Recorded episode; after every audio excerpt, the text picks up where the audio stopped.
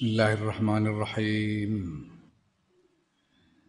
Wa ammar rajulu anapun utawi wong astani kang golongan kaping pindho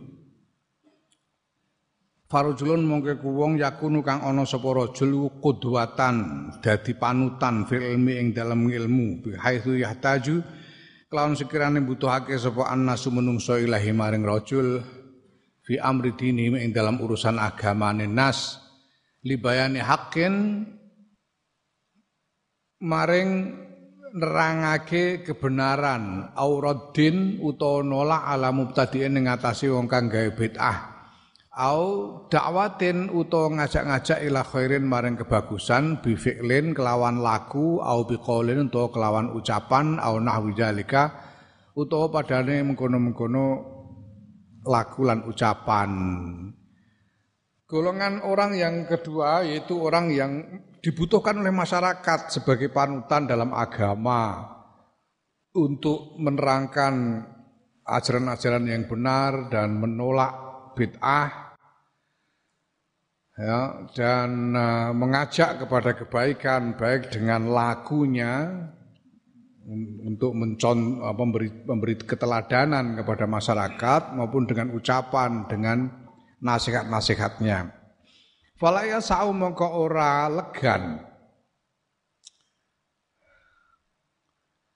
Mistlah hadar rajuli ing padane ikilah wong opo al i'tizalu misah anin nasi saking menungso. Balian sobu balik mapaake sopo rojul nafsu ing awake dhewe rajul bainahum ing dalem antara menungso nasihan hale aweh nasihat li khalqillah taala maring makhluke Allah taala zaban tur bilani ya, menolak serangan ya, bilani antinillahi taala saing agamane Allah taala mubinan tur nerangake ahkamillahi maring pira-pira hukume Allah. Ya. Orang seperti ini dia tidak bisa, tidak boleh, ya, tidak ada kelonggaran baginya untuk memisahkan diri dari masyarakat, tapi dia harus menempatkan dirinya di tengah-tengah masyarakat untuk memberi nasihat kepada orang-orang dan membela agama dari serangan-serangan, menerangkan hukum-hukum Allah. Falaqad rawaina, di teman-teman hmm? Ruwina Teman-teman wis den critani sapa kita? An Rasulullah sallallahu alaihi wasallam saking dawuh Kanjeng Rasul Muhammad sallallahu alaihi wasallam. Annahu ya kustune Kanjeng Rasul Muhammad sallallahu alaihi wasallam iku kala ngendika sapa Kanjeng Muhammad sallallahu alaihi wasallam. Iza zurharat nalikane pertelo apa al bid'ah pira-pira bid'ah wa sakatalan meneng sapa al alim wong alim fa alaihi mongko wajib ing atase wong alim apa laknatullahi utawi laknate Gusti Allah. Kalau ya telah ada uh, hadis sabda Rasulullah Muhammad sallallahu alaihi wasallam apabila bid'ah-bid'ah bermunculan ya, kok kemudian orang yang punya ilmu diam saja tidak menolak bid'ah-bid'ah itu maka dia berhak atas laknat Allah. Orang alim yang diam saja itu ya, berhak atas laknat Allah. Hadza utawi iki ku idza kana nalikane ana sapa uh, rajul iku bainahum ing dalam antarane menungso wa idza kharaja lan nalikane metu sapa rajul mimbainhim ing dalam saking antarane menungso fala juzu mengko ora wenang lahu kedhi rajul aidon kelan maneh apa al i'tizalu misah ya Nah, kalau dia berada di tengah-tengah orang banyak, dia harus memberi nasihat dan lain sebagainya, menjelaskan hukum-hukum Allah dan sebagainya. Nah pada saat dia sendirian, dia juga tidak boleh menolak orang, dia tidak boleh memisahkan diri sama sekali dengan menolak orang yang datang. Walakat hukialan yakti teman-teman ustin cerita ake opo annal ustazah Abu Bakrin bin Furok. Sedunge Ustaz Abu Bakar bin Furok rahimahullah iku qasada nejo sapa Abu Bakar ayan farida ing yento mencil sapa Abu Bakar li ibadatillahi krana arah ngibadah marang Gusti Allah anin nasi sayang menungso. Fa nama huwa mongko ing dalem nalikane utawi Abu Bakar iku fi ba'dil jibal yang dalam sebagiannya gunung pira-pira gunung il sami analikane krungu sapa Abu Bakar sotan ing siji swara yunadi undang-undang apa swara piye undang-undangane? Ya Abu Bakar he Abu Bakar. Il sirta. Nalikane dadi sira iku min hujajillahi. Setengah sangking piro-piro hujai Allah ya. Tegese orang yang membawakan argumentasi untuk membela agama Allah. Ala khalqi ngatasi makhluk Allah ngatasi masyarakat manusia. Tarokta mongko ninggal sira ibadallahi ing pira-pira kawulane Allah. Ya. Abu Bakar rahimallah itu suat menginginkan ya, menginginkan untuk mengasingkan diri dari masyarakat. Nah, ketika dia sudah naik ke atas gunung, salah suatu gunung untuk mengasingkan diri, dia mendengar suara, suara tanpa rupa. Suara tanpa rupa, istilahnya hatif suara tanpa rupa. Hmm? Hatif. Ya, ini perlu kejernihan spiritual tersendiri untuk menandai suara tanpa rupa itu apa. Ya. Ada hatif suara tanpa rupa yang kemudian berkata kepada Abu Bakar Al-Furaq itu, "Hei Abu Bakar, kal kamu itu sudah menjadi salah seorang pembela, salah seorang yang mampu berargumentasi untuk membela agama Allah. Kok kamu malah meninggalkan hamba-hamba Allah? Hmm. Ya, itu suara yang menegur. Hmm. Ini masya Allah, hatif. Ini perlu kejernihan spiritual tersendiri. Tanpa itu iso kesasar-sasar. Karena kadang kita tidak tahu, kurang-kurang itu kan sebagian orang itu menganggap bahwa kalau dia mengalami suatu pengalaman mistik, ya, suatu pengalaman supernatural, bertemu dengan hal yang gaib, itu dianggap dia sudah sudah dia itu sebagai tanda dari pencerahan batin. Sebagian orang menganggap begitu. Padahal belum tentu. Mungkin kita tidak tahu kok. Kue kan orang ngerti ya, bedanya jin sama malaikat gimana coba. Kan nggak ngerti. Kamu tidak bisa bedakan ini suara-suara dari mana arahnya. Apakah ini hidayah Allah atau ini uh, godaan setan? Tidak tahu. Ada kisah yang terkenal Syekh Abdul Qadir Al-Jilani itu suatu ketika di tengah-tengah zikirnya tiba-tiba beliau melihat muncul sinar yang menyilaukan, yang terang benderang menyilaukan. Dan sinar itu berkata kepada Syekh Abdul Qadir, "Hei Abdul Qadir, aku telah menerima ibadahmu dan ridho kepadamu, maka mulai sekarang engkau boleh melakukan apa pun yang kamu mau. Karena aku sudah ridho kepadamu. Ada suara seperti itu. Ya. Syekh Abdul Qadir oh, kalau orang enggak ini kalau orang tidak sungguh-sungguh jernih batinnya mungkin mengira bahwa ini adalah betul-betul suara dari arah petunjuk Allah tapi si Abdul Qadir langsung sadar loh, ada suara kok begini langsung Syekh Abdul Qadir langsung jupuk teklek. Terumpahnya diambil dilemparkan ke arah cahaya itu. Pergi kamu wahai laknat.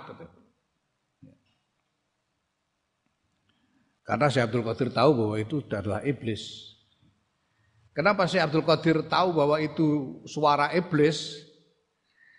Karena suara itu menyuruh berbuat kejelekan.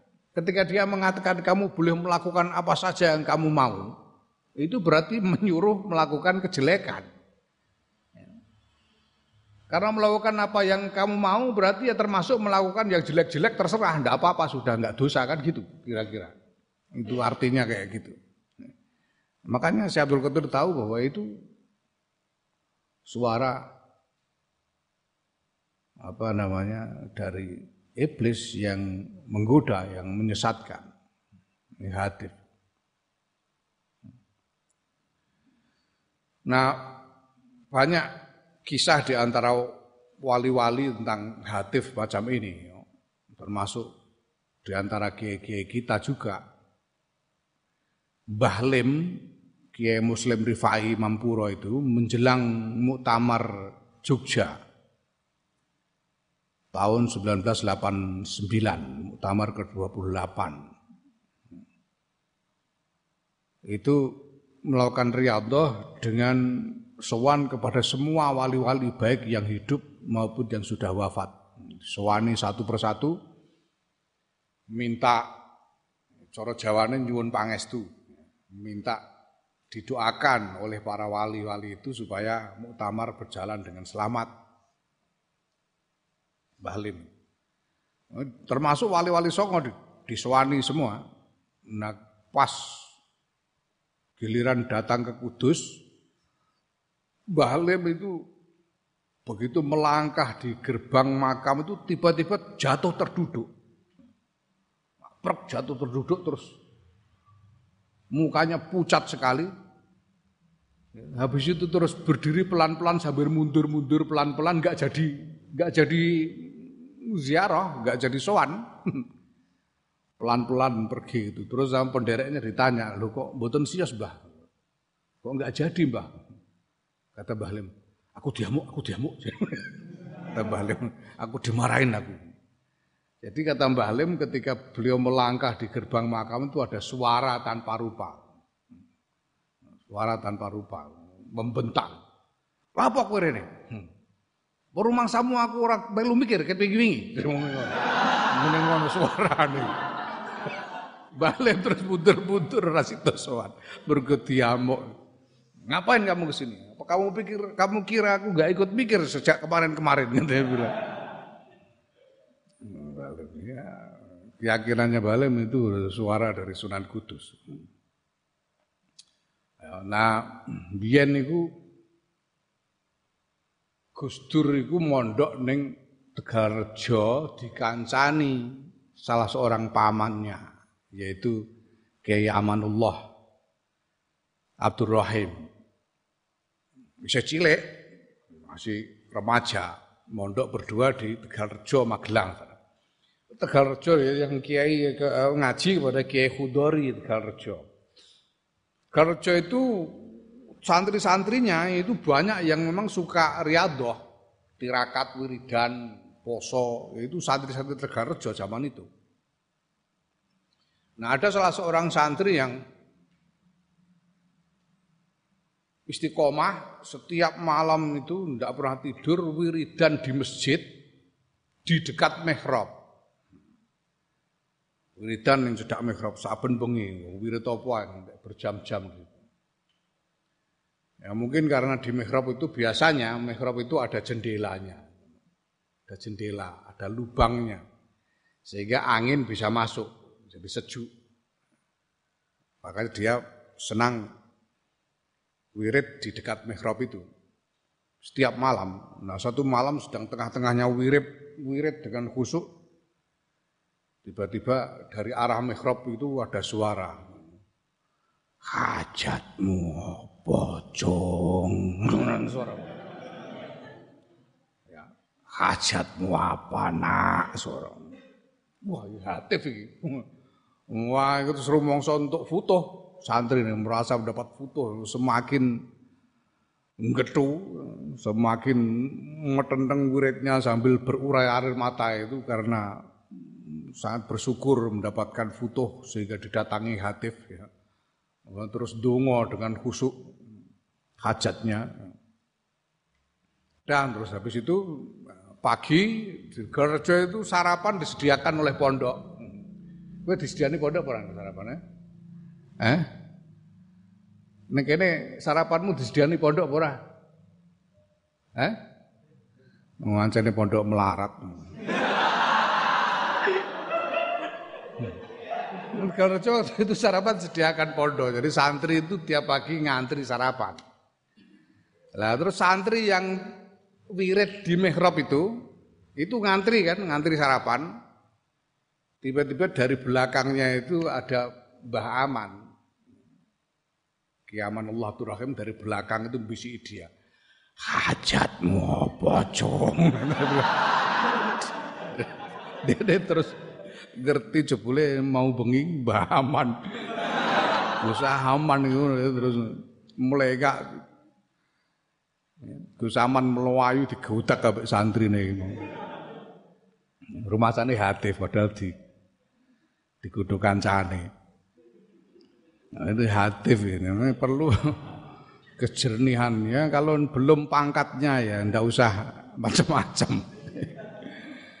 kalau belum pangkatnya ya. Hatif itu. Itu mbah hatif. Mbah pituduh, mbah gendruwo seperti sopo.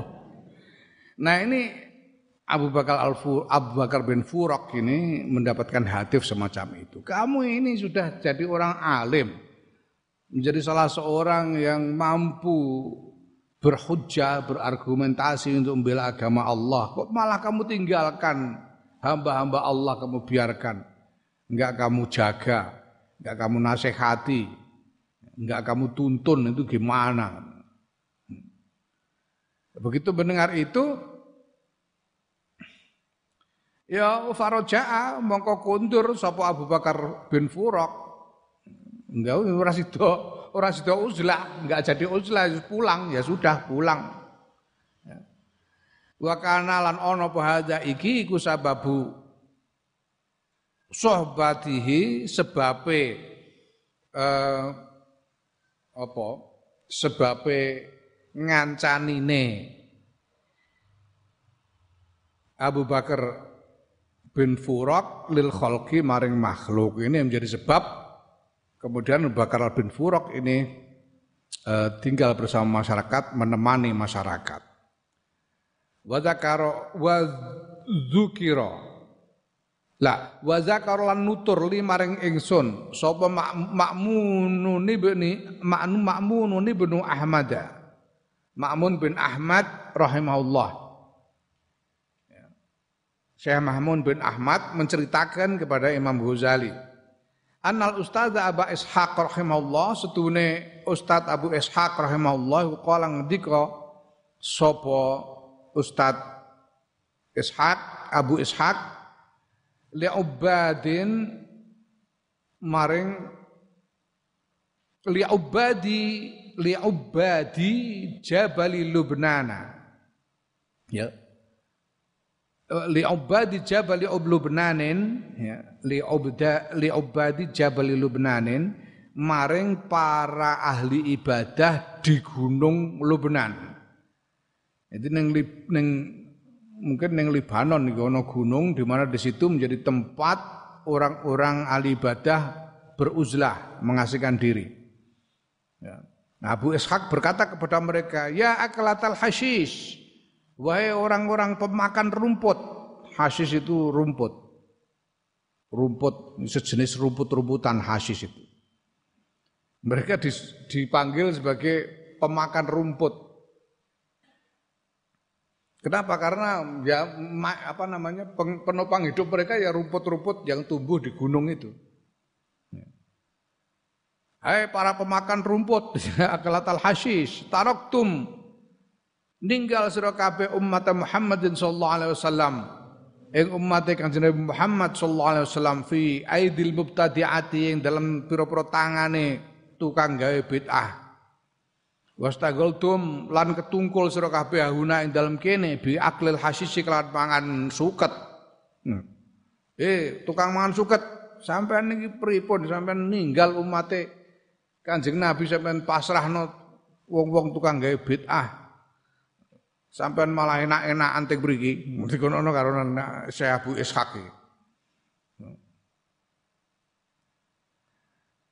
Kalian ini wahai hey, para pemakan eh, rumput kalian meninggalkan umat Muhammad sallallahu alaihi wasallam di tangan para ahli bid'ah dan kalian uh, bersibuk-sibuk di sini. Bi aklil hasisi kelawan mangan suket. Bi akil hasisi dengan makan rumput. Kalian sibuk makan rumput di sini. kalian tinggalkan umat Muhammad di tangan ahli bid'ah. Kalian sibuk makan rumput di sini. Kalau pada ngucap sopo para ahli ibadah di gunung itu, ya, lahu maring Syekh Abu Ishaq, innala nakwa, sedune kita iku nakwa ora kuat kita ala sohbatin nasi ing atase ngancane menungso.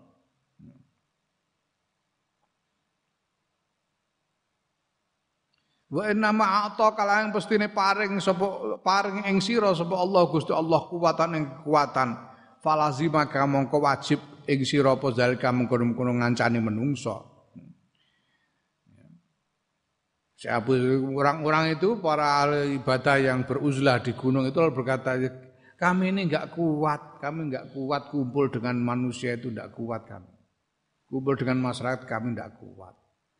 Lah kalau sampeyan memang sampeyan diberi kekuatan oleh Allah untuk menemani mereka, sampeyan wajib menemani masyarakat. Tapi kami enggak kuat. Jawaban dari para ahli ibadah yang uzlah di sana.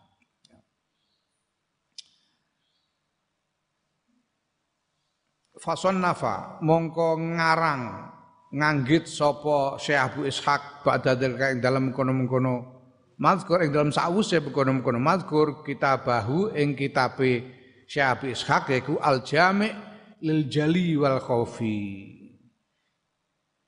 Syekh Abu Ishaq kemudian menulis kitab sudah itu yang diberi judul Al Jami' lil Jali wal Khaufi kitab yang mengumpulkan hal-hal yang jelas dan hal-hal yang samar.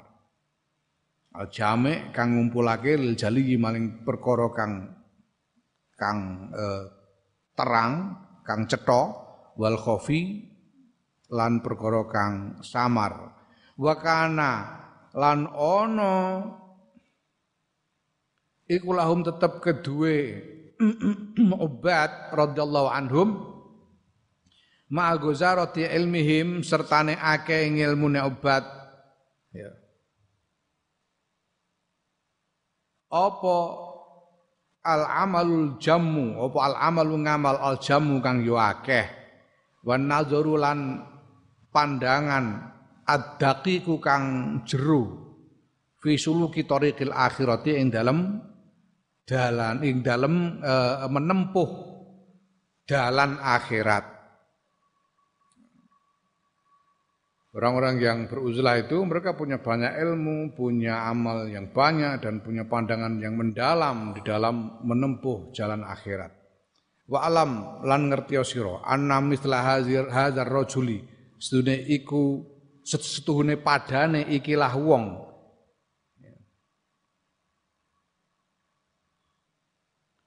Ya, wa alam ngerti sira anna misla hadzar rajuli sedune padane ikilah wong al muhtaji kang butuhake ilahi maring wong sapa annasu menungso. Fi turuqi babid dini dalam pipro dalan dalane bab agama wong sing ngene iku yahtaju iku butuhake sapa mithlu hadzal rajul fi sobatil khalqi ing dalam ngancani makhluk ila amra ini maring perkara loro sadida ini kang abot karone Orang yang seperti ini yaitu orang yang dibutuhkan oleh masyarakat dalam memberi arahan tentang eh, agama, orang semacam itu membutuhkan ketika mereka berkumpul, ketika mereka bergaul dengan masyarakat, mereka membutuhkan dua hal yang sangat berat. Ahaduma atau salah sijine amro ini iku sobrun tawilun. Sabar sing suwe. Wahilmun azimun lan welas azimun kang gede wa nazrun lan wa nazrun latifun lan pandangan latifun kang lembut. Wasti'anatun lan nyuwun pitulungan. Billahi taala kelawan Allah taala daimatun kang langgeng. Ya, pertama dia membutuhkan kesabaran yang panjang, kasih sayang yang besar, pandangan yang lemah lembut, dan senantiasa memohon pertolongan Allah Ta'ala ya, secara langgeng. Itu yang pertama yang dibutuhkan. Wastani utai kang kaping pindo yang dibutuhkan oleh orang macam ini iku ayyakuna ento ono sapa rajul sapa misla mislu hadzal rajul fi hadzal ma'na ing dalam ikhlah makna iku munfaridan mencil anhum saking nas ya, saking menungso wa kana senajan rajul bisahsi kelawan awake kelawan badan fisiknya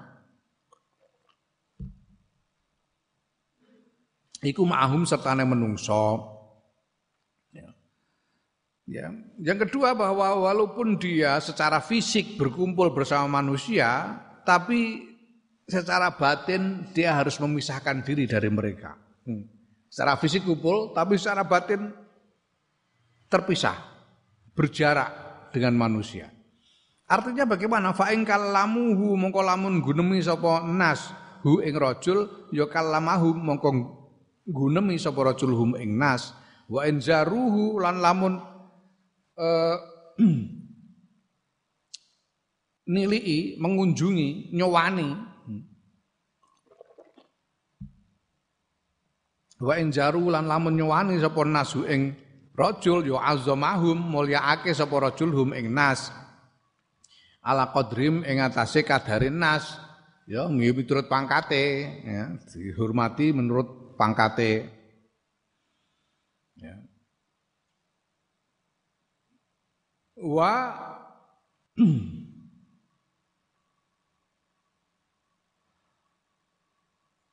wa syakarahum lan matur nuwuni sapa rajul hum ing nas. Wa in sakatu ya kalau orang-orang berbicara kepadanya ya dia harus menanggapi harus menanggapi pembicaraan mereka. Kalau orang-orang berbicara kepadanya dia menanggapi pembicaraan mereka. Kalau mereka bertanya dia menjawab. Ya. jaluk suwuk disuwuk. Jaluk nasihat dinasihati dan seterusnya kalau e, mereka sowan kepadanya, berkunjung kepadanya, ya dia muliakan sesuai dengan e, apa martabatnya dan e, dia menyampaikan terima kasih kepada mereka. Tapi wa in sakatu lan lamun meneng sapa nas anhu saking rajul wa mengo sapa nas anhu saking rajul ya istagnama. Mongko e, mengambil kesempatan sapa rajul zalika ing mengkono-mengkono. Eh mengkono-mengkono ora digunemi ya mengkono-mengkono ora di ya ora di ora diparani dening menungso ya. ngambil kesempatan minhum saking nas kalau orang-orang tidak bicara kepadanya dan dan e, berpaling darinya, ya, tidak minta tolong kepadanya, tidak minta nasihat, ya ndak usah, ndak usah apa namanya menawar-nawarkan diri, orang usah towo-towo, malah ambil kesempatan itu sebagai istirahat dari urusan manusia, ambil kesempatan untuk digunakan sendiri untuk beribadah. Ya. Ya. Jane ya ora usah nganggo flyer barang. Ikuti pengajian Minhajul Abidin setiap malam. Ngono niku jane ora perlu. Tawa-tawa barang. Eh, eh wong pancene bekakas elek-elekan ngene ae. Meneh. Allah karim, kemaimun niku dawuh awake dhewe iki wis awake dhewe iki ora ora pangkat gawe ngamal dhewe. Kita ini tidak punya potongan untuk membuat amal sendiri. Kita ini apa namanya umat zaman akhir yang kualitasnya kualitas intip. kualitas paling jelek kita ini tidak tidak punya kredibilitas untuk membuat amal sendiri. Seperti para salafus soleh yang terdahulu. Nah apa yang bisa kita lakukan sekarang? Yang bisa kita lakukan sekarang ini sekedar tabarruk. Tabarruk. Tabarruk itu ngalap barokah sebisa-bisanya ngalap barokah itu ya ya berharap mendapatkan barokah. Kaya ngaji ini iki suroe tolabul ilmi. Tapi hakikate tabaruk, ngalap barokah. Aku biyen diweling karo Mbah Zainal Abidin Munawir, Kiai Zainal Abidin Munawir nalika Abah harus kapundut, aku sowan.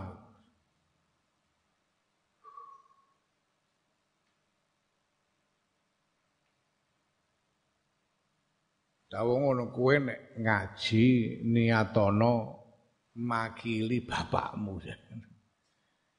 Kamu kalau ngaji niatkanlah mewakili bapakmu dengan mengharapkan barokah itu aja. Sebab apa? Sebab Mbak Zainal ngerti nek aku ora potongan mulang sakjane ngono bokakas. Dapuran ngene iki mulang-mulang apa? Oh, iki Minhajul Abidin ya sekedar eh, macakno saisa-isaku ngono ae. Kelira-keliru ya ben pancene dapuran ngene ae. Sing penting ngalap barokah. Kowe nyimak bareng ngalap barokah. Aku ketokanku ku mbok ngantek anu nek iso ngamalno kowe ngantek pecirit gitu. oh, ngilmu kok angel ngene iki piye? Ngilmu angel ngene ngamalne piye? Ya sak nyandake, sak nyentele sithik-sithik. Muga-muga barokah ngono ae. Muga barokah. Kok kelira-keliru ngono ngajene ya ben nang pencene. Orang alim, gak untuk keliru. Naam. Hmm. Naam. Hmm. Ngomong apa lah kok tekan kulo bareng. uh. Wa in kanu lan lamun ana sapa nasiku fi haqqin ing dalam kebenaran wa khairil lan ke kebagusan ya sa'adahum mongko nulungi bantu sapa rajul hum ing nas wa insaru lan lamun dadi sapa nasiku ilalahwin maring eh, lupa diri pepeko wa syarlin lan kejelekan ya khalafahum mongko nulayani sapa rajul hum ing nas wa lan misai sapa rajul memisahkan diri sapa rajul hum ing nas bal radda balik apa mbantah sapa rajul alaihim ing atase nas wa lan eh, menging ya ngelarang menghalangi sapa rajul hum ing nas in roja lamun ngarepake sapa rajul qabulahum ing penampane nas Nah, kalau orang-orang itu melakukan kebaikan, melakukan hal-hal yang benar, ya dibantu, ditolong, dibantu.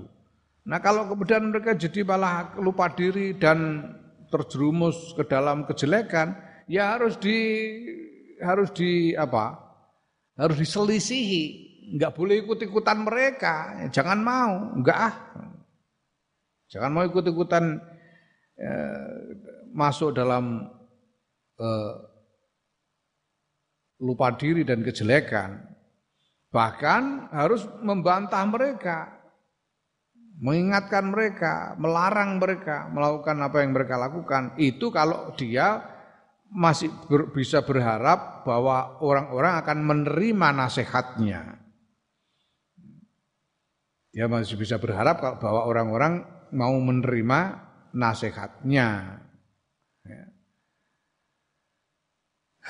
Summa aku menuju meneng sapa rajul bijami hukukihim kelawan sekabehane pira-pira hake nas minaz ziyarati bayane saking ziarah tegese nilii berkunjung wal iyadati lan tilik menengok wa qadail hajati lan lan nekani hajat allati turfa'u kang den unggahake den den apa den ajokake diajukan.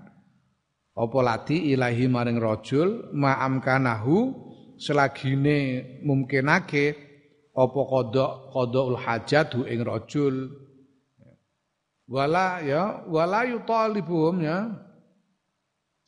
Dan ya dia pokoknya kemudian memenuhi hak-haknya masyarakat artinya apa? Ya dia perlu eh, mengunjungi orang-orang mengunjungi orang-orang untuk mendekatkan hubungan ya. menengok yang sakit atau yang kesusahan ditengok e, kalau ada yang punya hajat ya memenuhi hajat mereka. Ada yang minta suwu ya disuwu minta didoakan didoakan. Minta nasihat dinasehati dan seterusnya ya. apa pun yang diminta orang ngundang kajatan ya datang. Ses, apa sepanjang eh, dimungkinkan sepanjang dia mampu. Ya. Mana kiai-kiai kita itu punya tradisi riayah, tradisi riayatul ummah, tradisi untuk mengasuh umat, umat. Tradisi mengasuh umat itu tradisi kiai-kiai kita. Di kiai-kiai kita itu tidak pernah menyendiri, tidak ada kiai yang menyendiri tidak mau bergaul dengan orang banyak itu hampir tidak ada. Tradisinya umumnya kiai-kiai kita itu ini terlibat dengan masyarakat mengasuh umat. Maka di mana-mana pekerjaan utama kiai-kiai kita itu menerima tamu. Menerima tamu. Hari-hari itu menerima tamu. Saya tidak tahu memang zaman berubah, sekarang ini jarang orang sudah sudah berkurang orang yang mau sowan kepada kiai-kiai itu hari-hari ini. Dulu itu aku sendiri menyaksikan abah itu Paling banyak pekerjaannya sehari-hari ya menerima tamu. Tamu itu dari pagi sampai siang itu terus dengan macam-macam hajat. Itu dari dulu seperti itu. Mbah-mbah dulu kiai-kiai pendahulu yang di masa lalu yang lama seperti Kiai Hasyim Asy'ari, Kiai Wahab Asbullah dan lain-lain itu dia menerima tamu sehari-hari pekerjaan dengan hajat yang bermacam-macam.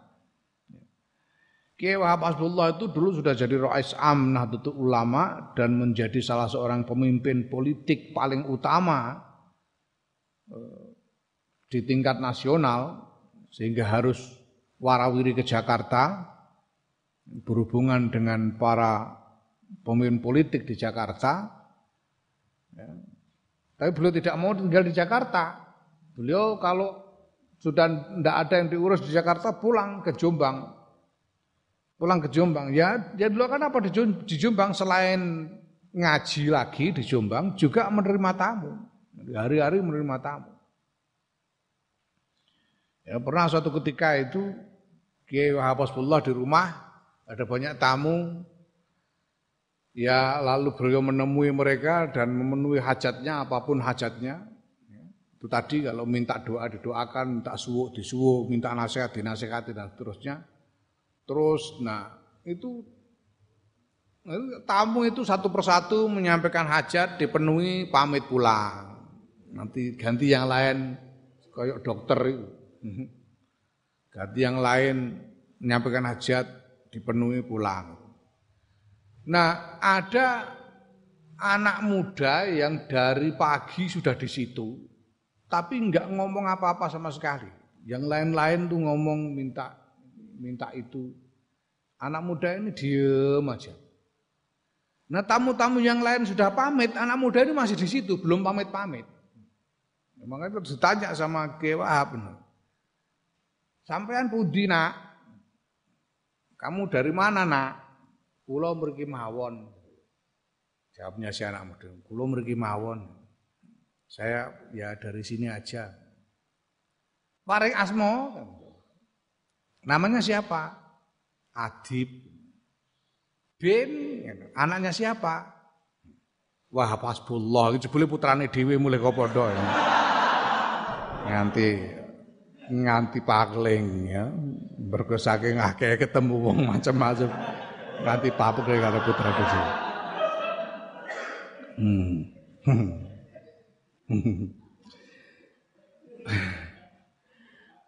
Wala yutalibu melan orang orang golek orang jaluk sapa rajul hum ing nas bil mukafaati ing apa ing imbal balik Ora njaluk upah gampangane iku. ya.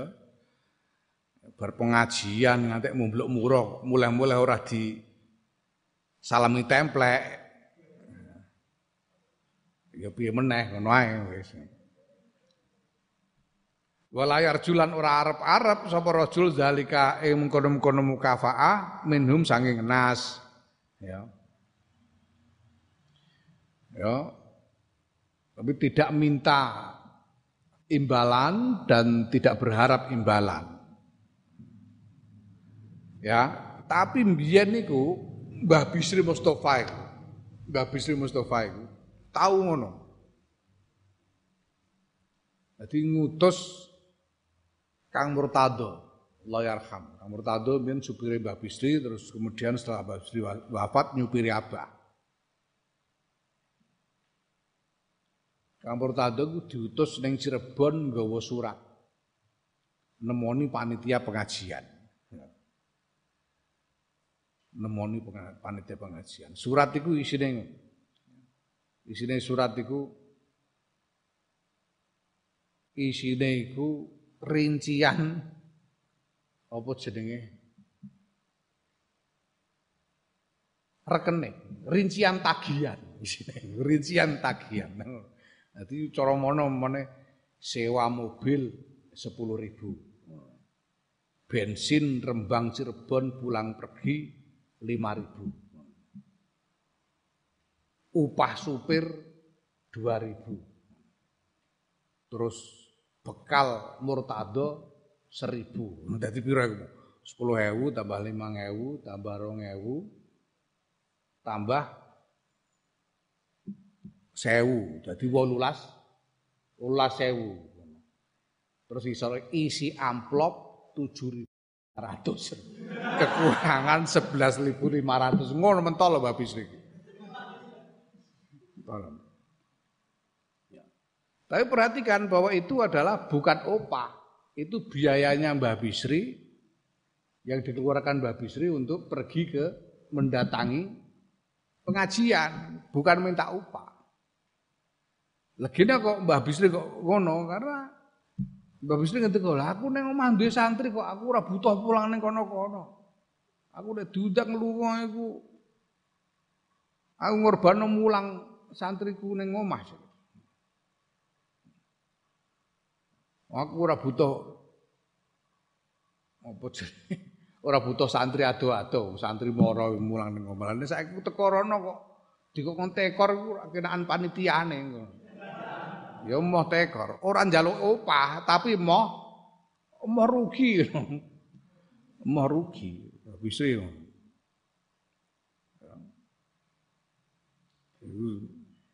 Mbak Mbak Ali yo cerita, Mbak Ali ku Mbak Bisri ku biasane saben hall ning Krapyak Jogja iku sing pengajian Mbak Bisri. Mbak Bisri saben arep mulai karo Mbak Ali diulungi amplop, amplope tampani tangane Mbak Ali cekeli, kosik. Dibuka sik amplope, kurang-kurang iki.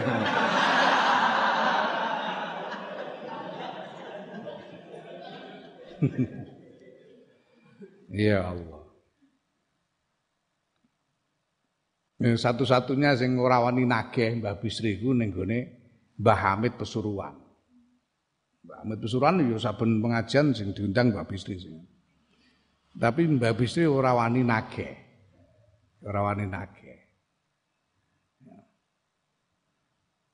Tapi ya ora kurang akal Mbah Bisri. Biyen koncone ngaji.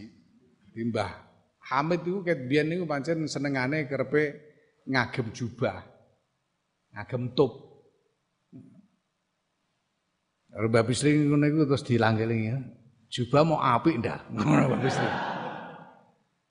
Ngono iku Mbah Hamid ya paham terus mlebu terus jubate jubahe dicopot, dilempit, dibuntel diwono Mbak Bisri. Loh nyah nyah. Diwono Mbak Bisri. Ya. Kan omah terus Mbak Bisri ngundang wong bloro jenenge Pak Kusnan zaman semono. Pak Kusnan niku wis pokoke manute ora karuan karo Mbah Bisri. Wan kono apa gelem. Wong kon jengking kon jempale gelem. Diundang ngono. Kan kene terus kowe gelem jubah, Kang? Iku lho jubah apik. Purun. Wani? Ngono.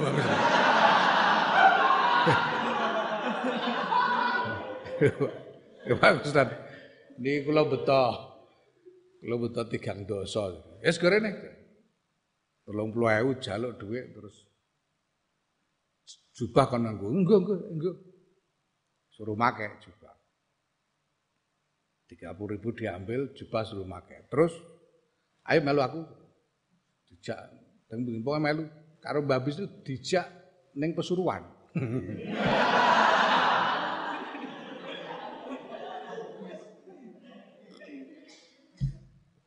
Dijak sowan Mbah Mbah Hamid suruhan.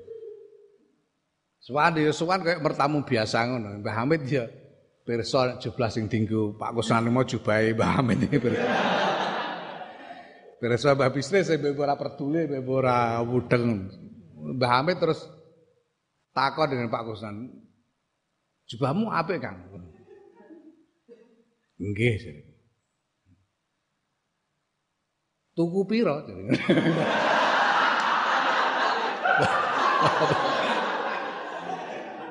Mbak Bisri bebo ora ngrungokno bebo ora ron.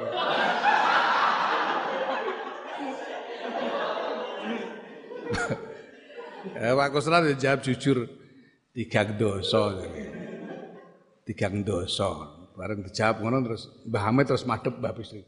Sok 5000 dah.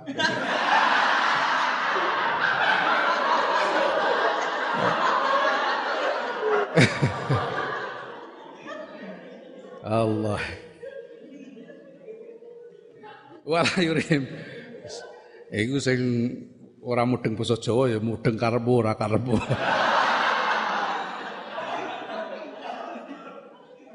Wala yurihim lan ora ketokake sapa rajul ing nas min nafsi saking awak dhewe ne eh eh rajul istihasan istihasan ing rongeh tegese berat hati.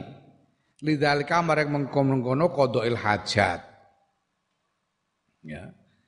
Dan tidak memperlihatkan berat hati sama sekali dalam e, memenuhi hajat orang banyak itu.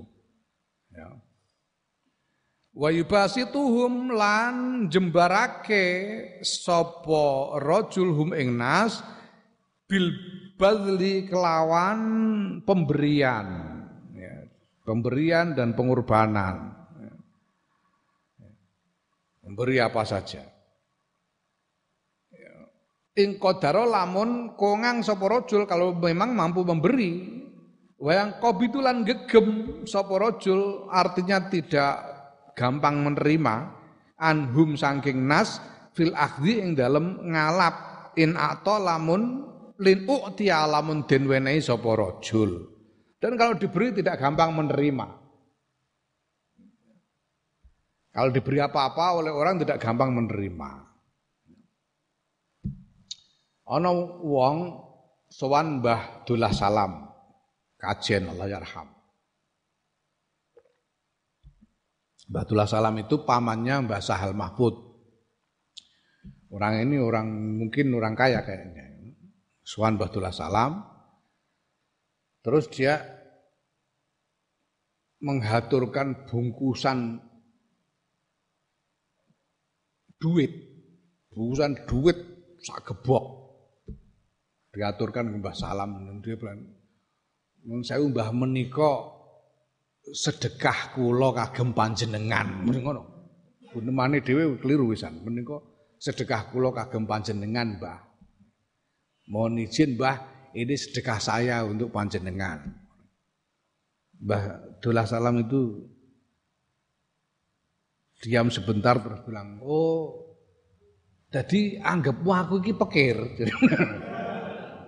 jadi menurutmu, jadi menurutmu aku ini orang miskin. Kok kamu kasih sedekah? Oh, langsung wedi mboten Mbah, mboten Mbah, mboten. Gini iki kula namung kepengen ngaturi.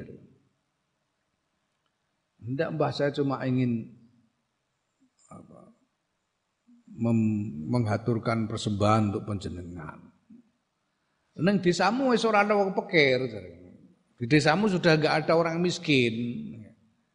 Ya yes, ada tapi sudah semua sudah saya bagi.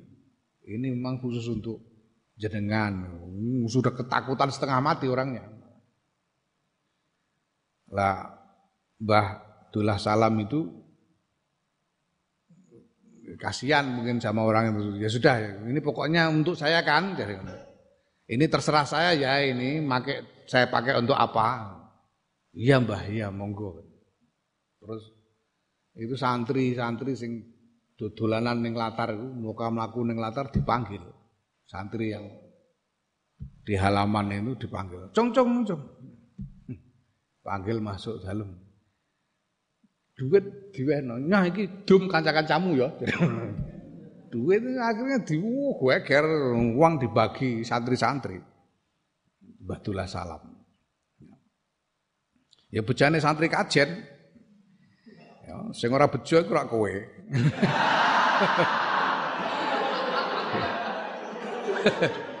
Wis wis ora ana wong ngeteri duit, kathek kiaimu dudu batulah salam pisan. Ah, sebejane awakmu ae. Piye meneh ya. Weh tajam, eh? Wa tahammalu lan ngempet sapa rajul binhum saing nas al aza ing piloro. Kalau di sakiti menahan diri. Ya. Wa yuzhiru ya, wa yadharu lan mertelaake sapa rajul lahum maring nas al bushra ing keramah taman memperlihatkan keramah taman wa tajammalu lan bagus-bagus awak bizohirihi kelawan lahiri rojul jadi tampil dengan tampil dengan apa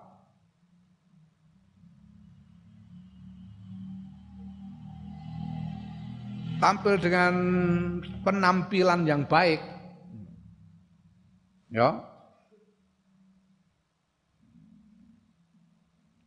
Jadi ana kiai kok nganggo jubah apik, nganggo serban apik, ya coba mbok anggap pamer mbok paido.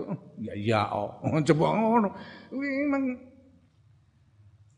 apa namanya dibutuhkan untuk pergaulan tajamul itu tajamul itu. Ya. Syekh Rojab Dib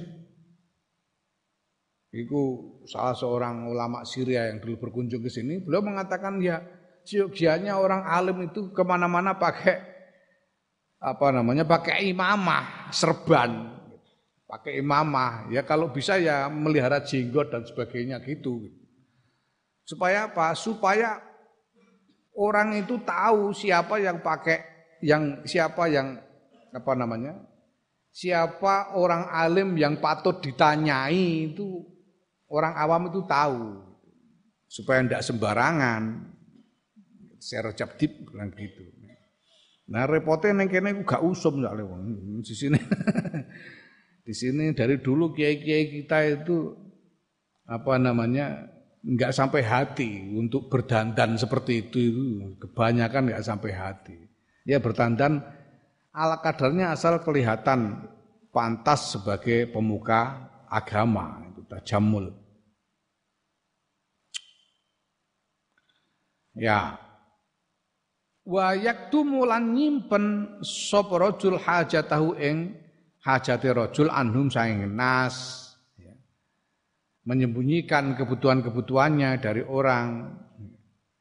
Fayuqasiha mongko menanggung beban sapa rajul ha ing hajat binafsi kelawan awake dene rajul. Ya dia tanggung sendiri hajatnya ndak usah berharap eh, apa namanya diberi oleh orang.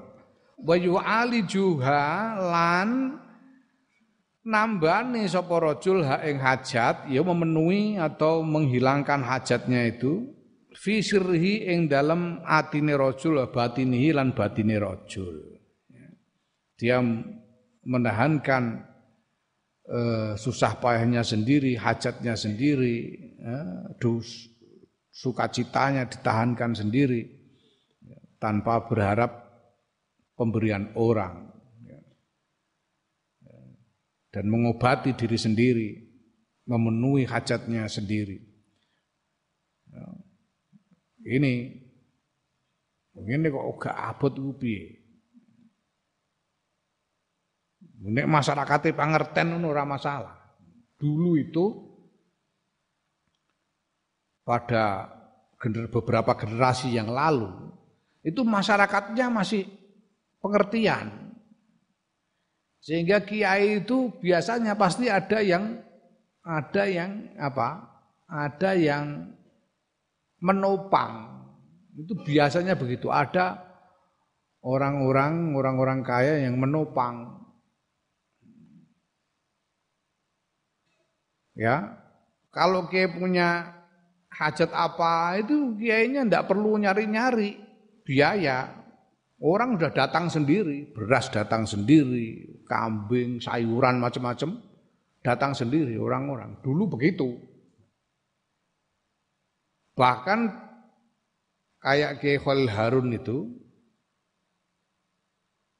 mertuanya Kiai Bisri Mustafa itu itu dulu ada namanya Haji Zainal Mustafa itu ayahnya Kiai Bisri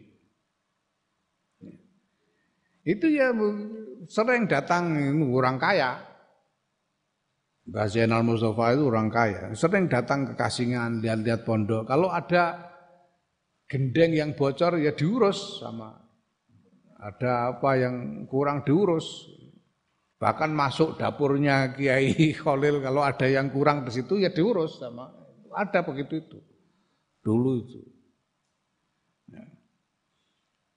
Sampai zamannya Abah itu masih begitu zamannya Abah itu. Ya, Alhamdulillah saya ini sidik-sidik isih. Zamannya Abah itu wah macam-macam. Pokoknya kalau ada orang panen ya ikut panen. Ada namanya Mbah Dul. Mbah Dul ku mai pancur. Pancur. Oh, itu kalau panen pasti bawa ke sini. Pelem ya, bawa ke sini panen pelem bawa ke sini nanti panen telo ini tahu mikul telo gede nih sak ndas kebu meror ini. Batul itu. Nah tapi sekarang sebagian besar yang lain udah udah enggak begitu lagi. Sekarang itu uh, kiai itu uh, sudah disuruh mulang. Eh? Dan tani pondok ya kon golek duit dhewe. Ya. Ngopo-opo kon ngurusi dhewe, ana tamu ora nggo apa-apa malah sambat. ya. Nah, ya, makanya mulane ya, akeh sing kerepotan kiai-kiai sekarang itu karena dukungan masyarakat itu semakin berkurang.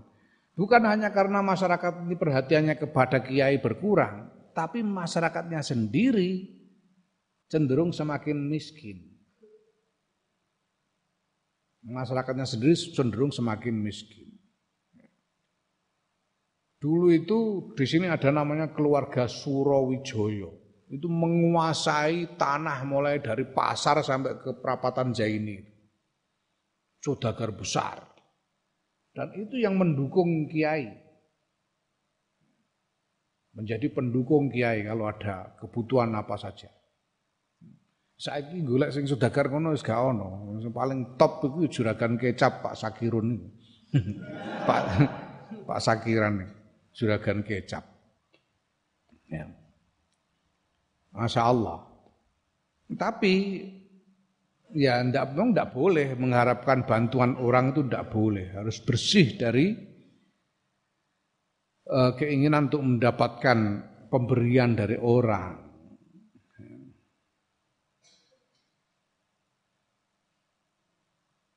Sumaya tajurul butuhake sapa rajul ma'azalka sertane mengkono-kono mazkur ya, ayan jura ing yen to nyawang sapa rajul li nafsihi maring awek dene rajul khosotan eh, hale khusus fayaj'alu mongko ndadekake sapa rajul laha kedue awak dhewe rajul hadon ing bagian minal ibadati saking ibadah al khalisati kang resik kang murni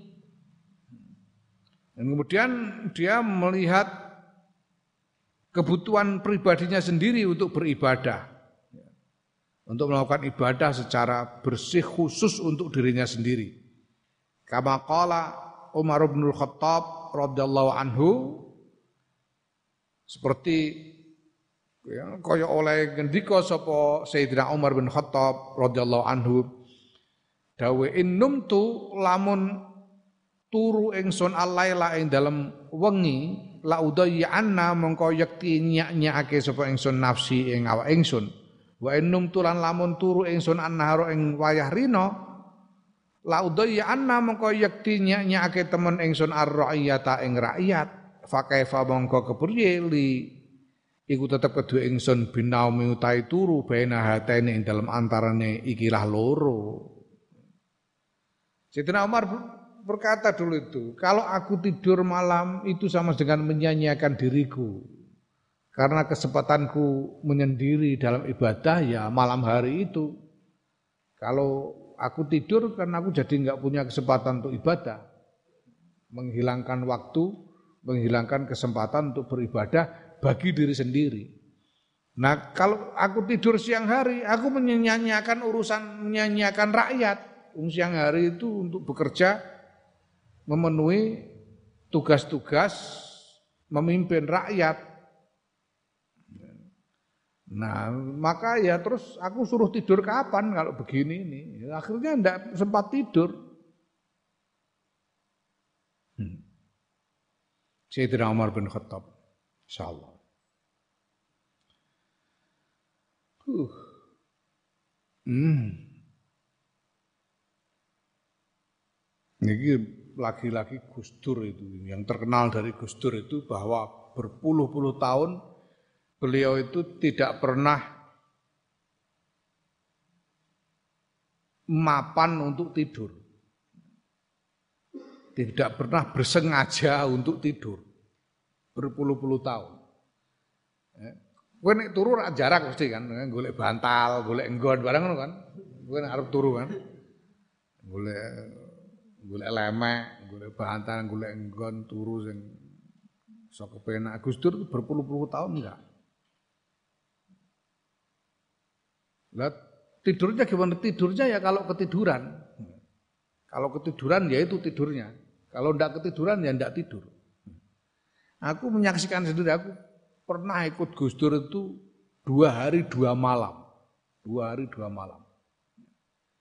Di antaranya itu bersama-sama Lekmus dan beberapa orang yang lain. Nah, sampai setelah dari pagi bersama Gus Dur itu ada loka karya di Ciputat, Jakarta. Seharian bersama Gus Dur sampai malam. Terus pulang ke Ciganjur ke Jalan Paso rumahnya Gus Dur itu. Di sana itu masih bicara, masih apa namanya bercakap-cakap sampai kira-kira jam setengah dua, jam dua malam. Pada waktu Gus Dur masih bisa melihat, penglihatannya masih Gus Dur waktu itu. Itu tahun 80, sekitar tahun 80, 86, 87. Setelah ngobrol itu terus Gus Dur pamit, saya pamit anu saya tak pamitan anu ya, saya mau bikin makalah untuk besok. Karena besok waktunya Gus Dur jadi pembicara di Lokakarya itu. Gus Dur pamit, terus ngetik makalah di meja makan, di ruang makan, di meja makan ngetik makalah, yang lain-lain tidur. Yang lain masuk kamar tidur. Nah sekitar jam limaan aku bangun, aku bangun terus mau ke kamar mandi lewat ruang makan, itu Gus Dur masih ngetik. Gus Dur masih ngetik.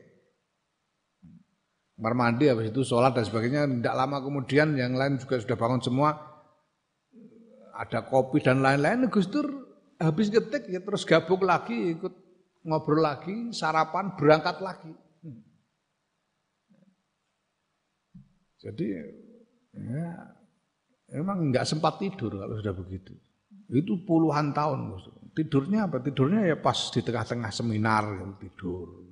Tiduran di perjalanan di mobil ketiduran itu tidurnya Gus Dur. Enggak sempat tidur. Allah. Wa fi hadzal ma'na dalam ikilah makna arodo merangguli li maring ingsun apa abiyatun pira-pira bet minasyiri saing siir. La urido ngono ae sing eh, piye piye piye piye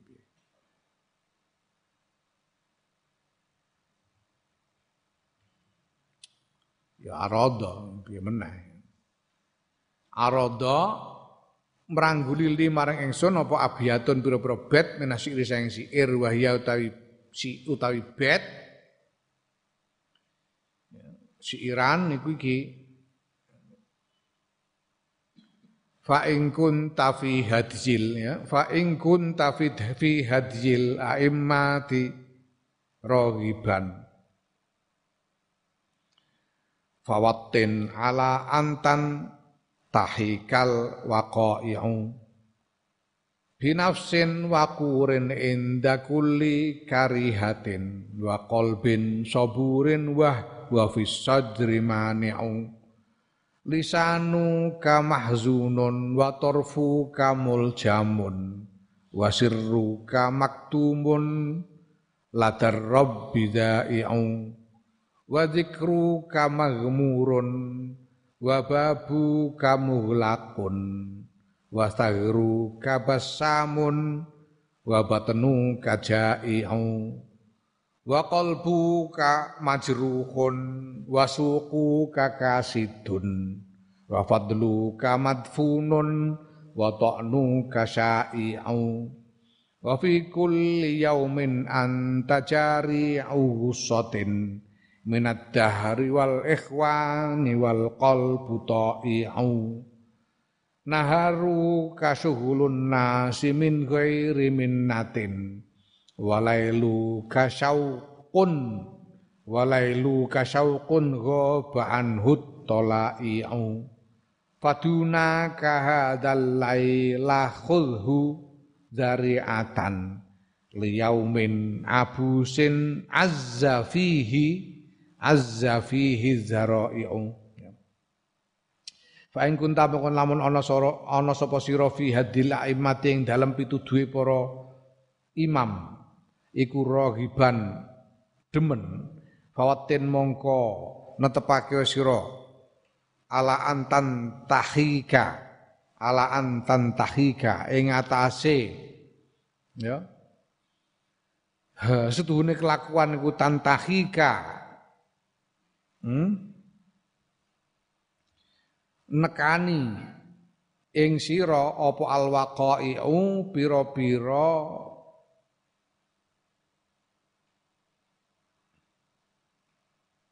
pira-pira uh, kejadian. Tegese kejadian sing ora kepenak wakoke kejadian sing ora kepenak. Waqiah kejadian sing ora kepenak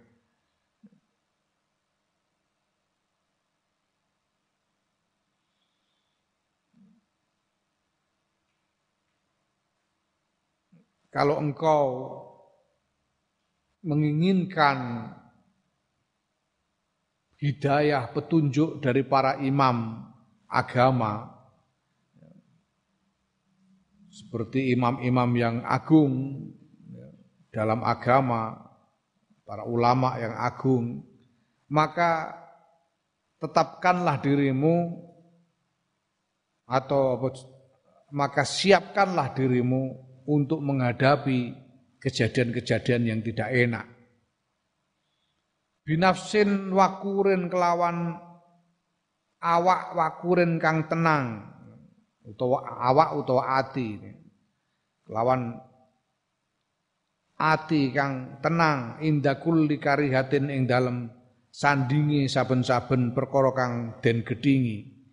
Wa qalbin saburin lan kelawan ati kang sabar wa huwa hale utawi ati fi sadri ing dalam dodo iku maniu nolak. Tegese nolak eh, artinya tidak suka kepada yang apa yang ditemui. Nolak dalam arti tidak suka pada apa yang ditemui. Dengan hati yang tenang di dalam menghadapi apa pun yang tidak kau sukai dan dengan hati yang sabar walaupun hati di dalam dadamu hatimu itu tidak suka dengan apa yang kau temui. Lisanuka mahzunun tabi lisan iraku mahzunun den sim den gudangi tegese den simpen. Diam, tidak banyak bicara. Wator fuka utawi peningal iraku muljamun den kendaleni, tidak jelalatan. Wasirruka utawi rahasia iraku maktumun den simpen ladar robi yang dalam sandingi pangeran. Ya daiun iku pertelo opo rahasia? Lidahmu kau simpan pandanganmu kau kendalikan rahasia-rahasiamu kau simpan dia di, di apa di sisi Tuhan yang mengetahuinya. Artinya hanya kau dan Tuhanmu yang mengetahui rahasia-rahasiamu. Wa kau te zikir ira, sebutan ira, wa dzikru kau te sebutan ira, iku magmurun den tutupi. Wa babu kau tawi lawang ira muhlakun den tutup. Wa stagru kau tawi untu ira, stagrun itu gigi seri, gigi depan ini stagrun ya. ya. Iku basamun mesem. Orang kalau tersenyum itu yang kelihatan gigi depannya. Wa batnuka utawi weteng ira iku jaiun ngelih. Sebutanmu ditutupi artinya kamu tidak berusaha terkenal. Biarkan orang tidak mengenalmu. Dan pintumu tertutup, tidak e, mengundang tamu untuk datang. Dan gigimu senantiasa tersenyum. Artinya bibirmu tersenyum. Ning kene sing disebut gigi. Gigi. Nek nek sing sing maca wong Jogja diarani ngenyek iki. Bener nek untungmu guyu iku pikire ndekne oh merongos. Ya, tapi ini adalah ungkapan untuk menunjukkan senyum karena kalau tersenyum giginya yang kelihatan. Gigimu tersenyum. Nah, kalau di sini bibirmu tersenyum dan hatimu apa? perutmu lapar. Ya, poso. Berpuasa. Wa fi kulli yaumin lan ing dalam saben-saben dina anta ta sira iku jari uhusatin ngelek klolot, menelan klolot.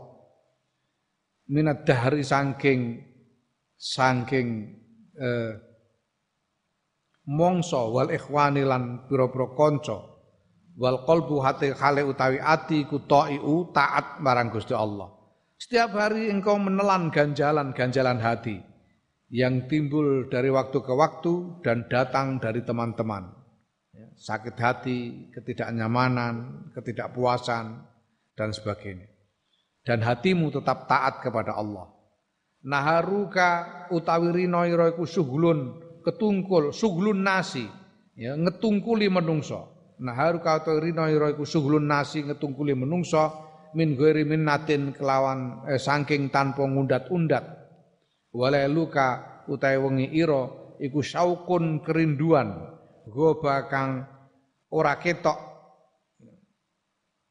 kang ora ningali anhu saking kang ora weruh anhu saking kerinduan sapa at-talaiu wong kang ningali siangmu engkau sibuk dengan manusia tanpa eh, apa mengundat-undat itu bahasa Indonesia yang mengundat-undat. Tanpa apa undat-undat bahasa Indonesia ini ya? Ais pokoknya mengundat-undat. Eh. Undat-undat itu kayak gini, wah. Misalnya kamu kalau enggak aku tolong kamu kemarin gimana nasibmu itu namanya undat-undat. Kamu kemarin ku tolong sekarang melihat ke keadaanku begini kok kamu enggak pengertian. Itu namanya ngundat-undat, mengundat-undat. Bahasa Indonesia ini apa? Siang harimu engkau sibuk dengan manusia tanpa mengundat-undat. Sedangkan malam harimu adalah kerinduan kepada Tuhan yang tidak dilihat oleh siapa pun. Yang tidak terlihat oleh siapa pun. Fadunaka mongko ngalapo sira hadzal laila ing ikilah wengi. Khudhu yo ngalapo sira hu ing wengi dari atan ing dadi lantaran. Lantaran kanggo marek marang Gusti Allah. Liyaumin kedue dina abusin kang mrengut kang masam ya, azza kang longko fi ing dalem dina apa adaro pira-pira lantaran ambillah malam ini sebagai uh, uh, sebagai sarana bagimu untuk mendekat kepada Allah. Ya. Sebagai ganti dari siang hari yang masam, yang jarang ada kesempatan ya, sebagai sarana untuk mendekat kepada Allah.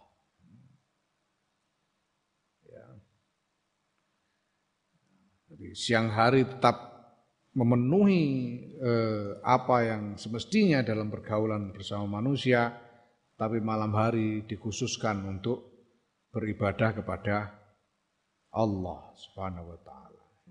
Naam wallahu a'lam.